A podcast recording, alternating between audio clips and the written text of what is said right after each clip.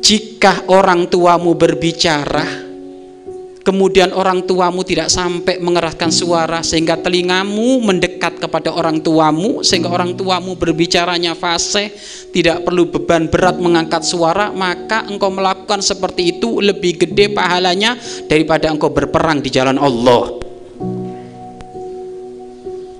Jadi tahu nggak jihad di jalan Allah? Surga itu pahalanya Jihad membela agama Allah itu surga pahalanya. Mati syahid surga pahalanya. Tapi ada yang lebih gede daripada itu apa? Menjadikan orang tua seneng bangga kalau berbicara kepada anaknya nggak perlu ngangkat suara.